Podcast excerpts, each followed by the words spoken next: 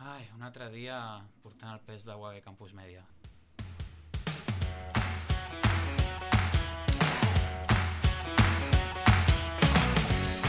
Això és Match Day. Som-hi amb els titulars més destacats d'aquesta setmana.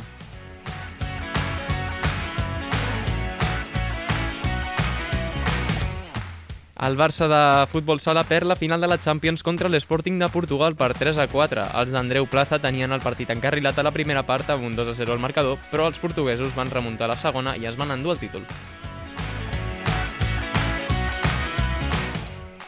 Esperem que tingui una mica més de sort el primer equip femení del Barça, perquè sí, ho han tornat a fer. Les de Lluís Cortés van eliminar el PSG a les semifinals de la UEFA Women's Champions League guanyant a casa per 2 a 1, amb doblet de Lique Martens i seran a la final de Göteborg.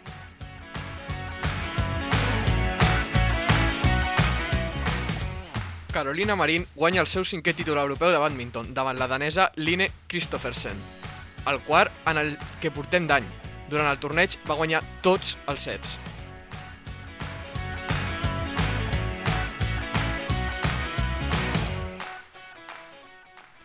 I anem al que importa. Després de només de 18 programes... Espera, de espera, espera, que tu has, 18 pre- tu has preparat i days. tot, eh? Tu has preparat i M'ho he tot. preparat. El, el xaval ara mateix és un nen obrint els regals de. Reis. M'ho he preparat, m'ho he escrit aquí des de fa 5 minuts. Eh? M'han deixat parlar de ciclisme, aquell esport que pot ser avorrit o no, durant una etapa plana de 190 quilòmetres i que et pot ajudar a fer la siesta, com a molts de vosaltres us pot ajudar, Ui, però que en els moments decisius us gaudeix i molt, per tant, doneu-li una oportunitat avui i per donar inici a les grans voltes de la temporada ciclista, comencem amb el Giro d'Itàlia.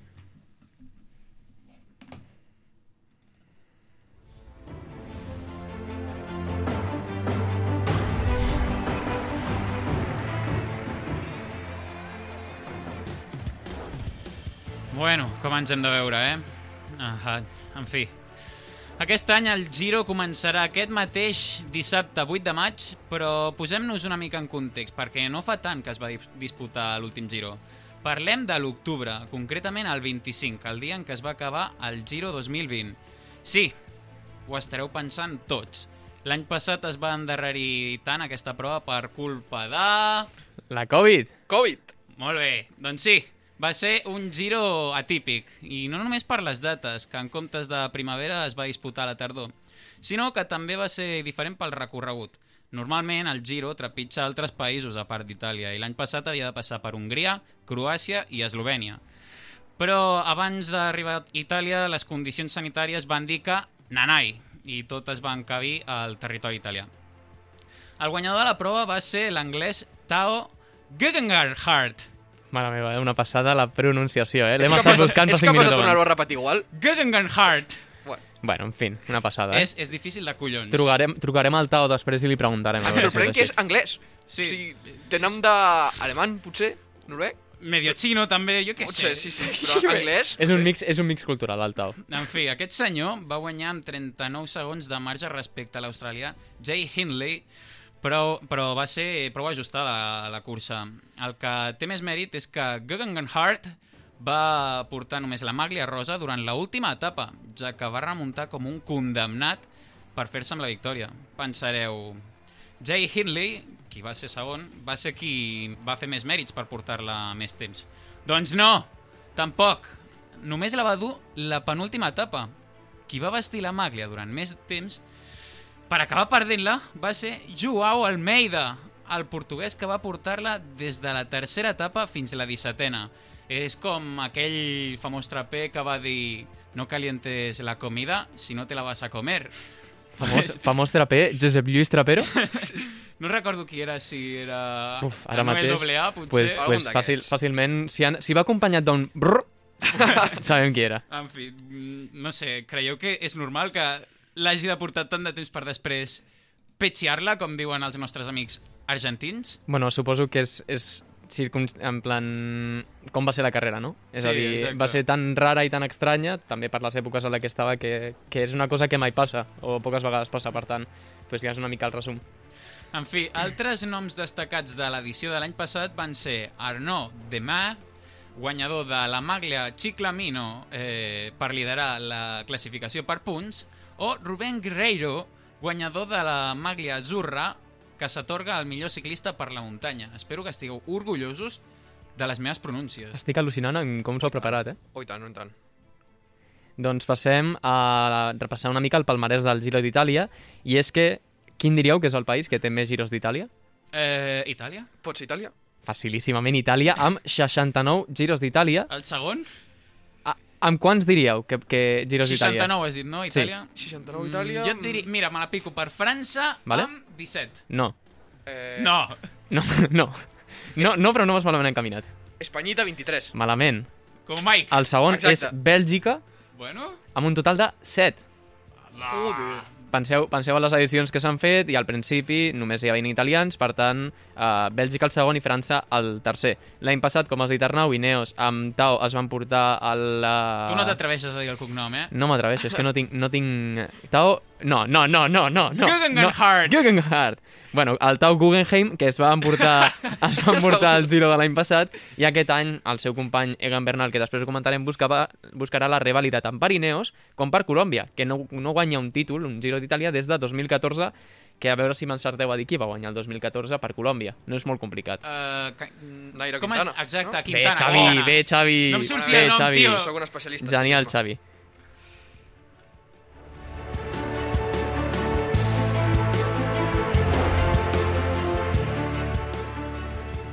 Molt bé, companys. Passem a comentar una mica curiositats, coses que trobo a destacar del Giro d'Itàlia. Comencem amb el primer Giro, que ja veureu que té tela. Va tenir bastanta tela. El primer Giro es va celebrar el 1909 i s'hi van inscriure 127 corredors. Sabríeu dir-me quants el van acabar? Perquè no el van acabar tots. Uh, ens vas fer spoiler. Us jo no me'n recordo, el número jo no me'n exacte? recordo. 40. 49. 47. Ah! He, he guanyat, eh? Sí, M'he- va, aproximat, sí, s'ha aproximat més, vale, sí, sí, sí, sí. I bé, era... Ho, ho uneixo amb la següent característica i és que només el van acabar 47 persones perquè va ser un giro que ja només la primera etapa tenia 397 quilòmetres. Com? 397 quilòmetres de primera etapa. Hòstia. 15 va. hores. Va, home, 15 va. hores que van estar els ens corredors. dormim a, Va aquest començar- any veient la puta Giro que... Eh, eh, eh, eh, eh, En, eh. aqu en aquella edició... Mare meva. No, és una passada, això. Va durar 15 hores, com us deia, i va començar a les 2 de la matinada. O sigui, feu-vos una idea del que va ser allò. I bé, pues que per alguna raó van abandonar. No ens movem d'any, no ens movem d'any perquè en aquest mateix giro el guanyador, Liu Ji Gana, va deixar per al record una de les frases més populars de la història del giro. I és que quan la premsa es va apropar per prendre les primeres declaracions del guanyador, la seva frase va ser... Em fa mal el cul. Bé, És magnífic, eh? sí. És magnífic, eh? Clar i concís. Eh, bueno, Eh, a poc bueno. a poc. ja heu vist com duraven les etapes, doncs normal que els pobres acabessin destrossats. I bé, com alguns sabreu, passem a la segona curiositat. El líder de la classificació general del Giro vesteix la maglia rosa o el mallot rosa en català normatiu. Això es deu al color de les pàgines de la Gazzetta dello Sport, que va tenir molta importància a l'hora d'organitzar i crear el Giro. Una altra dada que m'interessa m'interessa i m'ha sorprès bastant. El campió més jove del Giro va ser Fausto Coppi, amb tan sols 20 anys, 8 mesos i 25 dies. Això va ser l'any 1940. He fet uns càlculs i a dia d'avui jo tinc 20 anys, 4 mesos i 12 dies. Doncs... Pots, a- pots arribar a Creieu que guanyar... en 4 mesos fas- encara tinc temps? Què fas aquí, que no estàs disputant el puto Giro? Bueno, és que de fet, crec que, a veure... Sí, és Movistar que m'està trucant a veure si pots anar a complir les seves files Vaya com a escalador pallasso. CP, eh? He agafat el telèfon, eh? Sí, sí, l'ha agafat, l'ha Ha agafat. agafat el telèfon de l'estudi. Magnífic. Eh, ara vull fer una petita clatellada, un petit toc d'atenció al Giro, i és que en tota la Ostres. seva història només una dona ha participat i va ser a l'any 1924, parlo d'Alfonsina Estrada. Mai més hem tornat a veure una dona corrent al Giro. No sé, estem al 2021, potser hauríem de posar-nos les piles en aquest aspecte. Les coses aquí estan en que les carreres, rotllo Giro Tour i tal, fan, a la, els femenins només fan una carrera d'un dos dies. Llavors el Tour sí que es fa, però el Giro no. Mm. És a dir que... Mm, No hi havia un Giro femení? Em sona haver llegit por ahí que, que sí que hi havia una espècie de Giro femení. Probablement, el que, el que sí que és és que no són carreres de 3 setmanes. Ja, ja. Són reduïdes, per tant sí que... I, i són capaces perquè ho han demostrat, Sí, de, de fer carreres igual a les masculines. Per tant, Sí, clar, uh, hi, ha, hi pot haver una, un Giro d'Itàlia, però no hi ha un Giro d'Itàlia femení, sinó que hi pot haver una carrera de 3 dies, 4 dies, a lo sumo una setmana. Per tant, sí que és veritat que és un tema de desigualtat que s'hauria de Sí, de totes normalitzar. formes, ens hauríem de posar els piles en aquest aspecte. I última curiositat ja que us porto, torno a parlar dels Mallot, la Maglia Rosa, o Malla, Mallot Rosa en català Mhm. normatiu, i és que no és l'únic Mallot que ha existit. També va existir durant un breu període de temps, entre el 1946 i el 1951, el Mallot negre, que el portava l'últim corredor en la classificació. No, Era una mena de cullera no, de fusta versió no. Giro. Ostres, la cullera de fusta, eh? Sí, sí, sí, sí. sí. Quin record la cullera És de molt fusta. lleig, això, joder. Això és molt lleig. faltós. I de fet, eh, diu la leyenda urbana que va haver-hi un corredor que es va punxar expressament les rodes de la bici per quedar últim i tenir l'honor d'acabar el giro amb el mallot negre. Aquest seria jo, eh? Bueno, potser no, no les hauries de punxar les rodes, eh? Meh, no crec. Si voleu, acabem amb una curiositat respecte al primer que has dit, o el segon que has dit tu, Xavi, de lo d'en fa mal al cul. Sí. No sé si sona ara més ja contemporàniament Tom Dumoulin. Sí. No ho sé. Bueno, és, és, és, un, és un corredor bastant que... Uh, no sé si... Vamos, posaria la mà al foc que era a un giro perquè anava amb la maglia rosa, que la va perdre, i sabeu per què la va perdre? Per què? Perquè li va fotre un apretón a peu de porc. Ah, sí, hòstia, és veritat. no pot ser. que va, va, haver de, va haver de, Sí, sí, va haver sí. de baixar per cagar. Hòstia. Però no va ser el Tour, això? És que Em tinc, tinc, Tour, tinc eh? el dubte entre el Giro o el Tour, però és que és tan bona aquesta anècdota que la necessitava explicar. jo tinc la imatge al cap d'aquest senyor parant la bici i era un dia com nuvolat. Però, eh, parant la així. bici cagant i ar arriba a la, a la línia de meta i diu No és que ser, no, he, sí. no he pogut tirar més perquè és que em cagava, em cagava Però a no, sobre. aviam, el cos humà té les necessitats, què hi farem?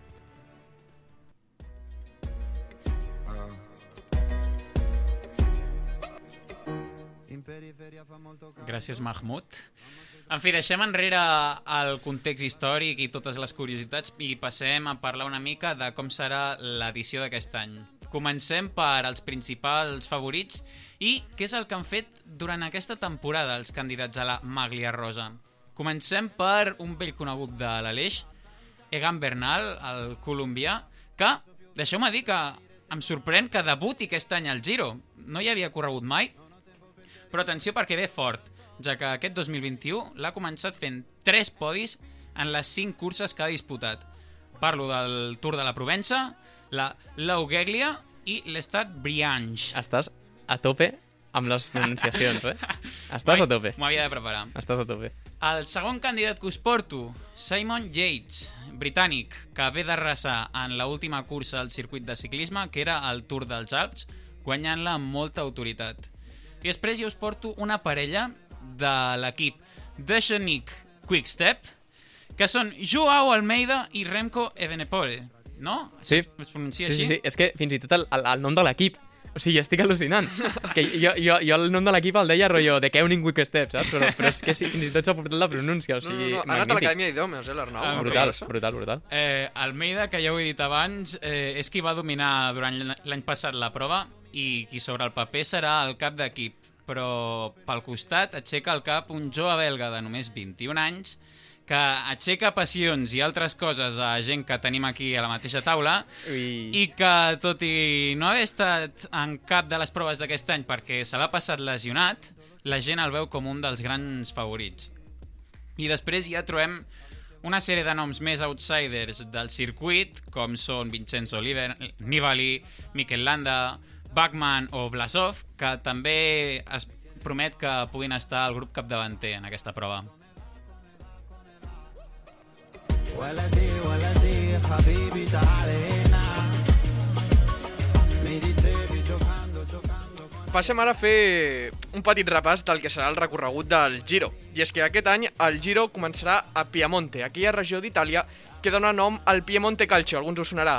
L'equip que simula la Juventus al FIFA, aquell videojoc que a més de fer-te envellir com els gossos, 7 anys de cop per cada any que jugues, tampoc té les llicències dels equips.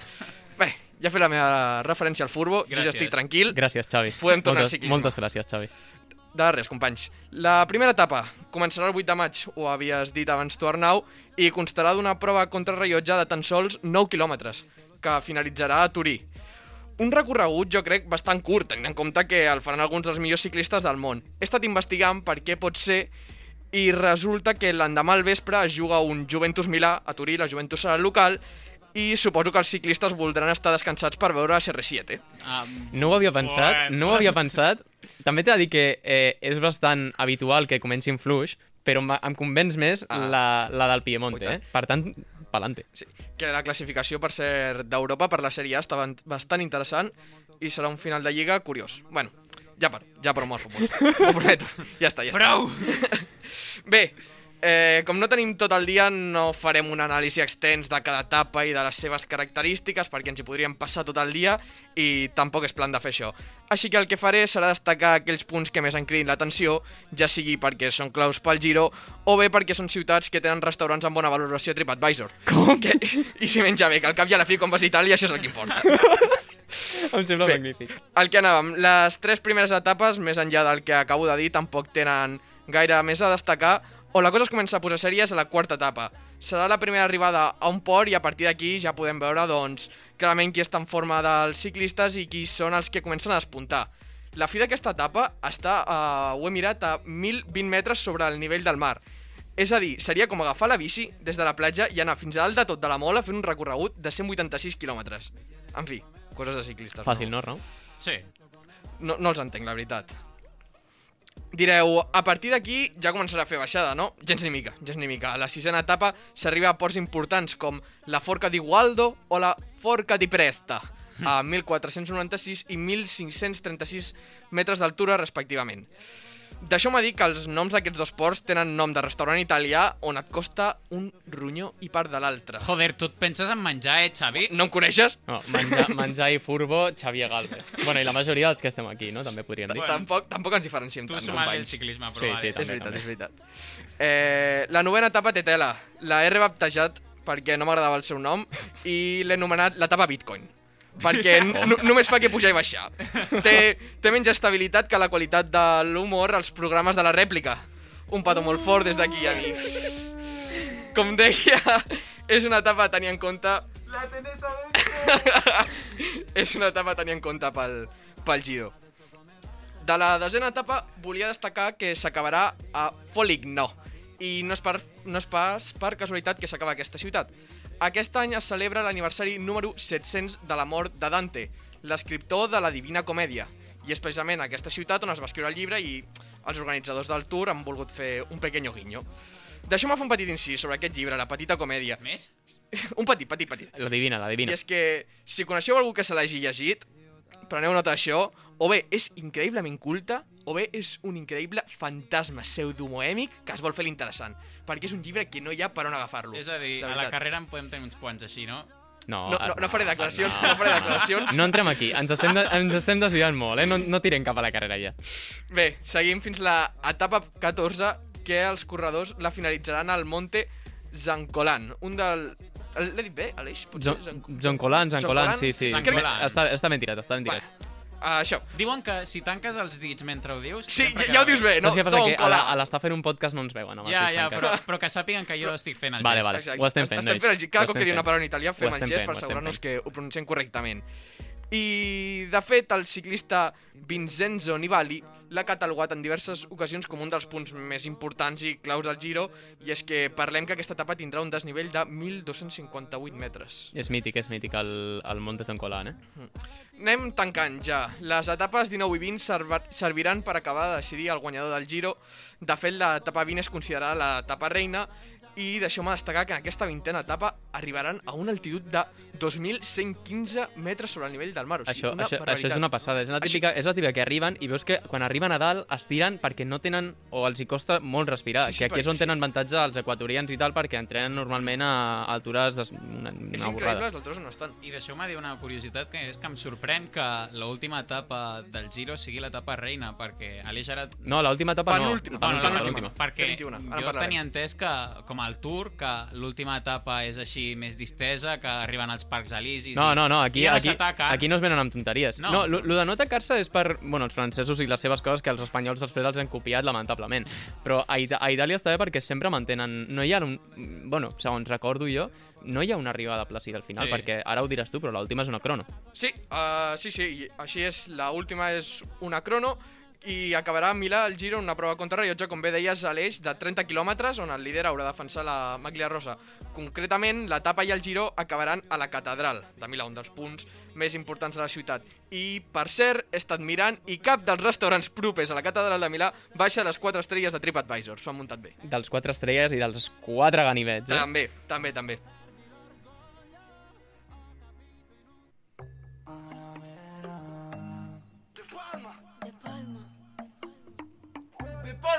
Vorrei chiedere al vento di portarti da me. Bueno, l'Arnau no s'ha pogut resistir a cridar de Palma.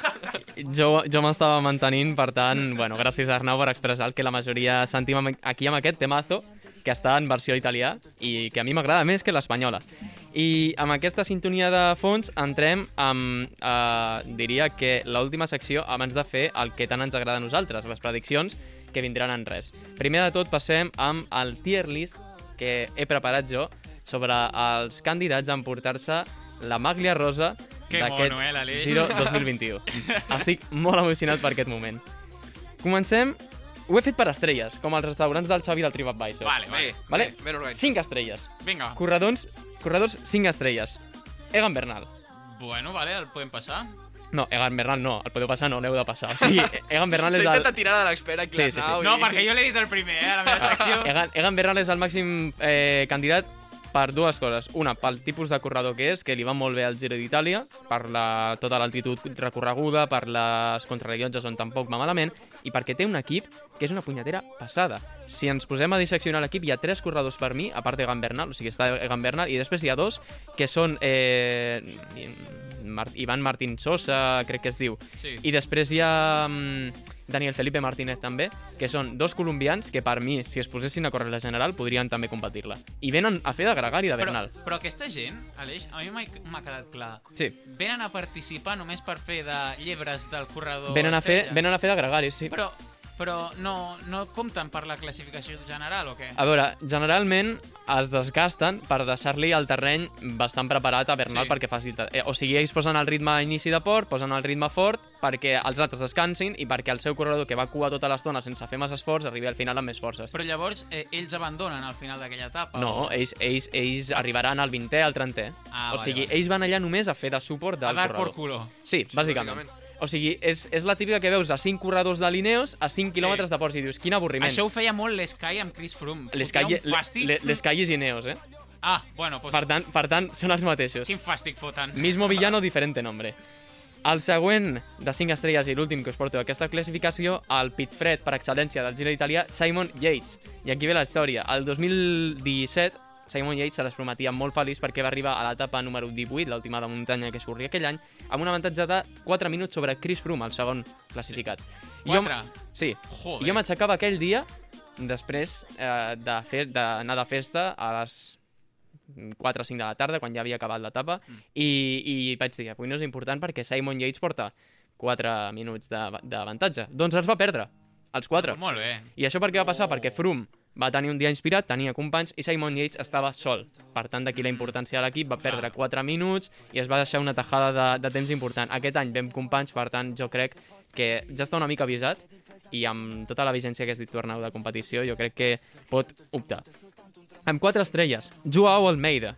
Ja va prendre del desastre de l'any passat, aquest any porta el company a Remco Benepul, per tant, amb 4 estrelles. I al seu costat, Mikel Landa.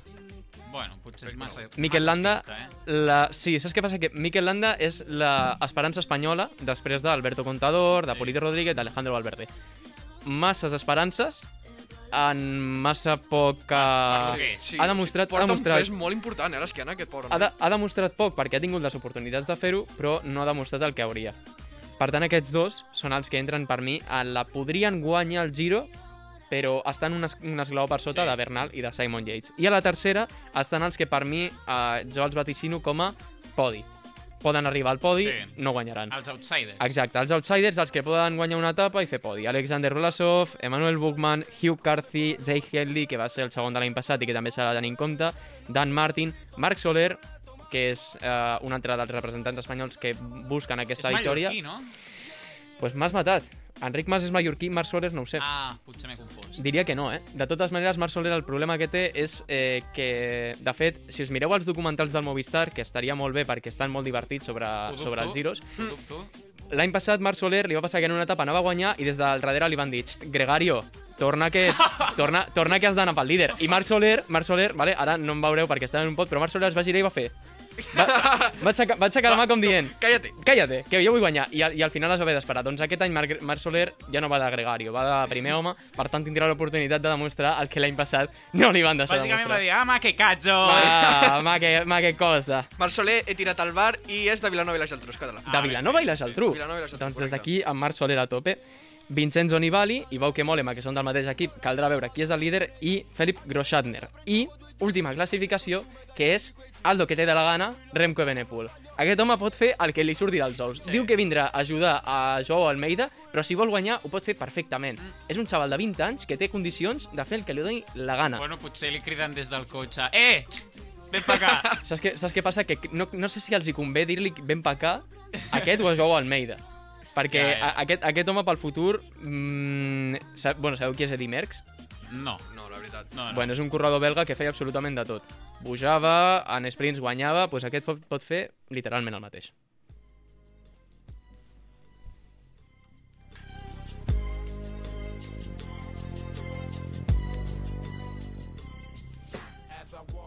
Vinga, Gangsters Paradise, ja sabeu què vol dir.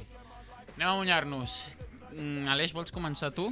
D'acord, uh, sí, sí, sí, i tant.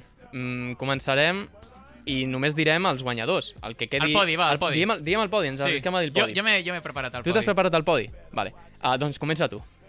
Bueno, vale. Comen... Bueno, vols que comenci jo? No, no, ja, ja començo jo. Vinga, va, així, comença tu. Així tu que ets l'expert ja m'ho diràs. Sí, sí, diràs tant. Encara. Palante, palante. Jo dic que guanyador del Tour serà Joao Almeida, Mhm, segon, el seu company d'equip, Renko Evenepoel, mhm. i tercer, Nibali. És a dir, em peto els teus dos grans candidats. A la merda. Xavi?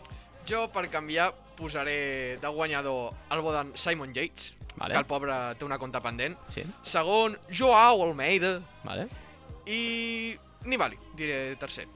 Vale, jo no, no entenc per què us heu patat a Egan Bernal. Sí, literalment és el màxim fa fa- favorit i us he posat que és el màxim. Dic, a veure si... Vale, Però, però, no guanyarà. Això no, no ho saps tu, Aleix, però no guanyarà. Sol passar i jo el posaré per tenir una diferència amb vosaltres. Guanyarà Egan Bernal, uh, segon quedarà Remco Benepol, jo a Joao Almeida Ja- no el ja poso. a Almeida. Jo no el poso. Jo l'he posat al, aquí a la tier list del, de 4 estrelles, però és que si l'altre desperta, aquest se'n va a la merda. Hmm. Amb tots els carinyos cap a Joao Almeida. Per tant, segon posaré a Remco, que donarà show, i tercer posaré... Estic entre Soler i Mikel Landa perquè crec que un espanyol caurà al podi. Per la cara, no? Eh, no, és que tinc una, una, una corazonada, Un que sol dir. Sí. Per tant, posaré tercer a Marc Soler. Lo de soy española, ¿qué quieres que te gane, no? Se l'ha portat a presa, eh? Que l'altre dia va dir... Sí, és veritat, és veritat. Espanya, què quieres que te gane? No, no, aprenem dels errors.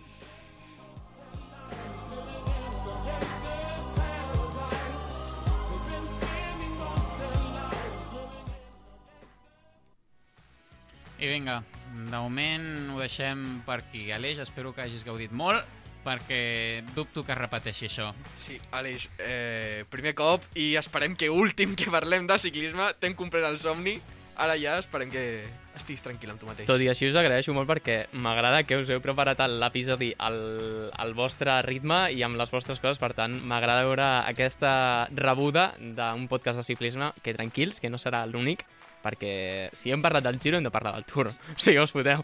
Si és que som uns cracs, ens ho preparem de puta mare, no com altres programes d'aquesta casa, no Eh, direm quins, però... És el programa que sempre voleu escoltar, duri 20, 30 o 35 minuts. Exacte. O 40, 50 o 60 com altres, min... altres programes Que normals. no mencionarem. No, No, mencionarem, no, no, no, en no. rèplica. En fi, ens veiem la setmana que ve amb un match day totalment diferent. Adeu.